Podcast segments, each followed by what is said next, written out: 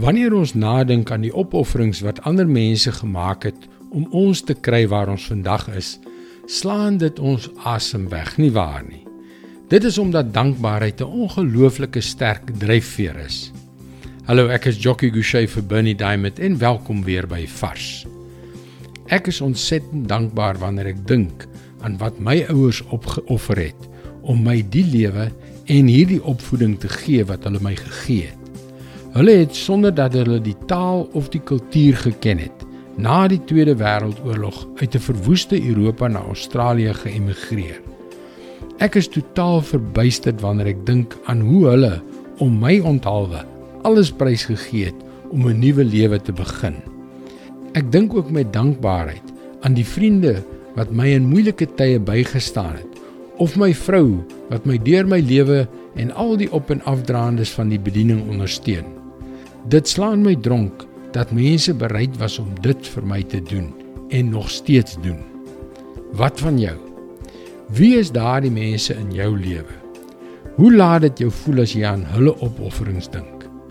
Dit is terselfdertyd diep vernederend en heeltemal ontzagwekkend, nie waar nie? Maar daar is een wie se opoffering absoluut lewensveranderend is.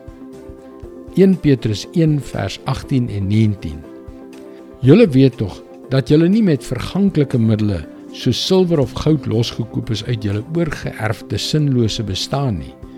Inteendeel, julle is losgekoop met die kosbare bloed van Christus, die lam wat vlekloos en sonder liggaamsgebrek is. Wanneer jy nadink oor wat dit vir Jesus gekos het om jou te red, wat hy gelei het, verander dit totaal die manier waarop jy dinge sien hoe jy voel en hoe jy leef. Dankbaarheid is so belangrik. Laat dit toe om jou te verander, want jy is losgekoop met die kosbare bloed van Christus.